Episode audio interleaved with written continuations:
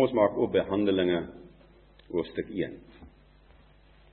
En ek wil graag voortbou op vanoggend se boodskap. Want ek wil baie graag hê geliefdes, dis absoluut 'n drang in my hart. Dis 'n bevel in my binneste dat ons werklik sal verstaan wat wil die Vader vir ons sê in hierdie tyd? Wat wil hy hê moet ons doen? Nou moontlik moet ons maar hoe aan die boodskap skryf dat die koninkryk kom.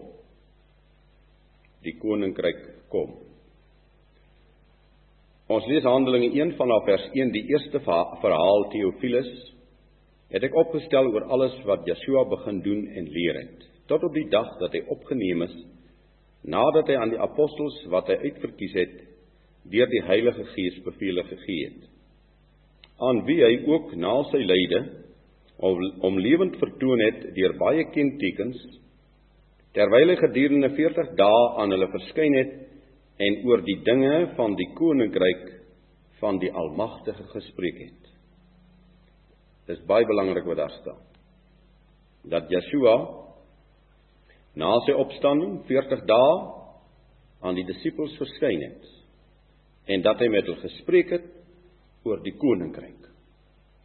En toe hy nog met hulle saam was, het hulle bevel gegee om nie van Jerusalem weg te gaan nie, maar om te wag op die belofte van die Vader wat julle het hy gesê van my gehoor het. Want Johannes het wel met water gedoop, maar julle sal met die Heilige Gees gedoop word nie lank na hierdie dae nie.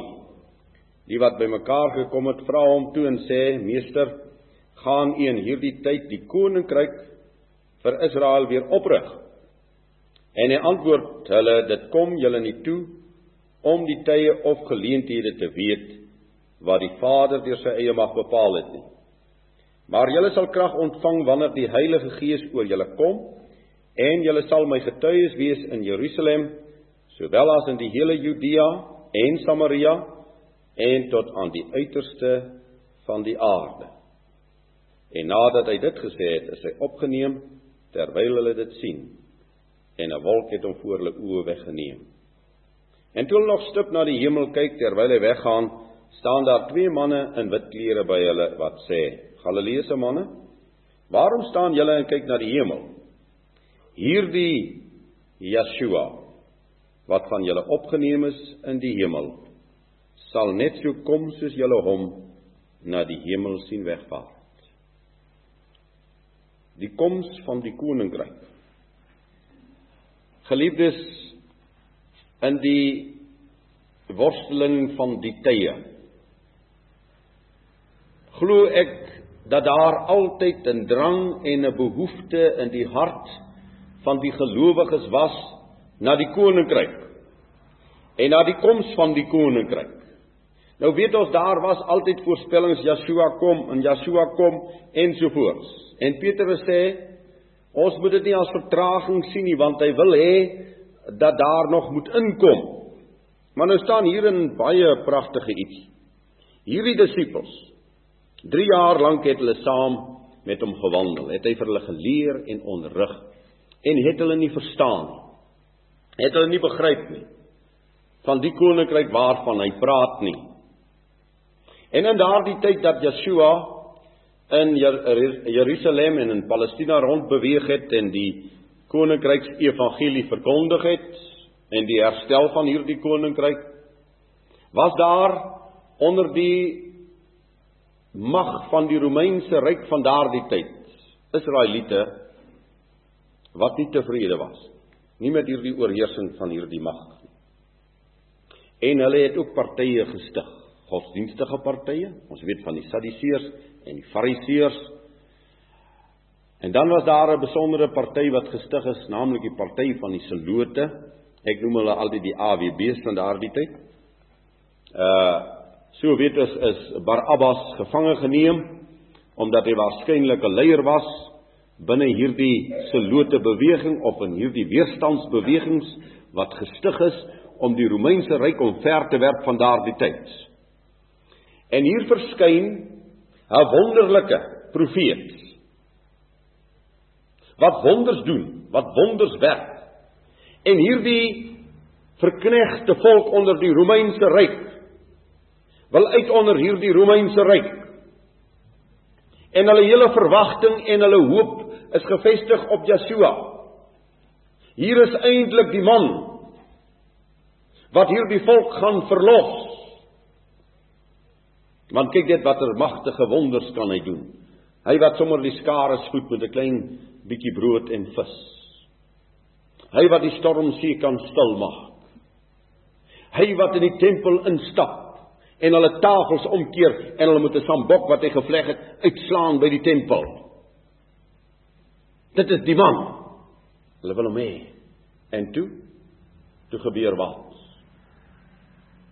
Toe kom hy nie as 'n koning nie. Toe kom hy nie as 'n heerser nie. Toe kom hy as 'n diensknegt. Toe openbaar hy hom hoe langer hy die pad stap, hoe meer sien hulle, maar hy openbaar hom as 'n dienskneg as 'n middelaar. En hulle begryp dit nie. En toe hy aan die vloekhout sterwe is alle hoop alle verwagting dat daar verlossing gekom het vir Israel verby. Want jy moet oplet wat staan in die Matteus evangelie as die as as hulle hierdie woorde hoor vers 21 van Matteus 1 Maar ons moet nou uh, sien dat Dawid word bygetrek ensovoorts. Vers 21 daar en sy sal 'n seun baar.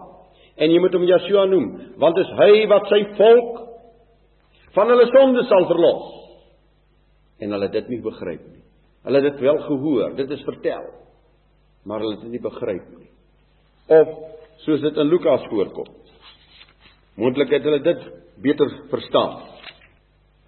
En kyk jy sal swanger word vers 31 van Lukas 1 en 'n seun baar en jy moet hom Yeshua noem. Hy sal groot wees en die seun van die Allerhoogste genoem word. En Jawe Elohim sal aan hom die troon van sy vader Dawid gee. En hy sal koning wees oor die huis van Jakob tot 'n ewigheid en aan sy koninkryk sal daar geen einde wees nie. Jy sien, nou sit hulle met hierdie geweldige profesie. Hy sal kom om sy volk van hulle sondes te verlos, maar hy sal ook kom om op die troon van Dawid te sit en sy koningskap sal tot in ewigheid wees. En hier sterwe die koning. Hier die verwagting van Israel aan 'n vloek. Enkel is dit verstaan. Ou Simeon het so goed verstaan dat hy hierdie baba kindjie in sy arms neem en sê nou kan u ou dienskneg maar sterwe want hy het die heil van Israel gesien. Met sy oë aanskou. Hy het begryp dat hierdie heil is 'n groot ewige heil. Dit gaan nie om net verlos te word van die Romeinse ryk nie. Dit gaan vir, om verlos te word van die totale sondeval. Dit gaan om verlos te word van die totale mag van die duisternis om vry te word. En hierdie disippels word uitmekaar, spat uitmekaar daardie aand toe Yeshua in die Getsemane tuin gevang word, geboei word. Ou Petrus het daarom nog so 'n laaste poging aangewend tot daar binne die paleis van die hoëpriester om daar die finale van die disippels die finale verloning te gaan doen. En te sê vloekend te sê ek ken hom nie. Want daar staan sy verlosser geboei. Hulle spoeg op hom. Hulle slaan hom deur die gesig. En Petrus, hierdie yweraar vir Yeshua, het groot verwagting in sy hart gehad. Maar gelukkig dat nog daardie einste nag kon hy uitstap in die nag en bitterlik ween en sy sonde bely.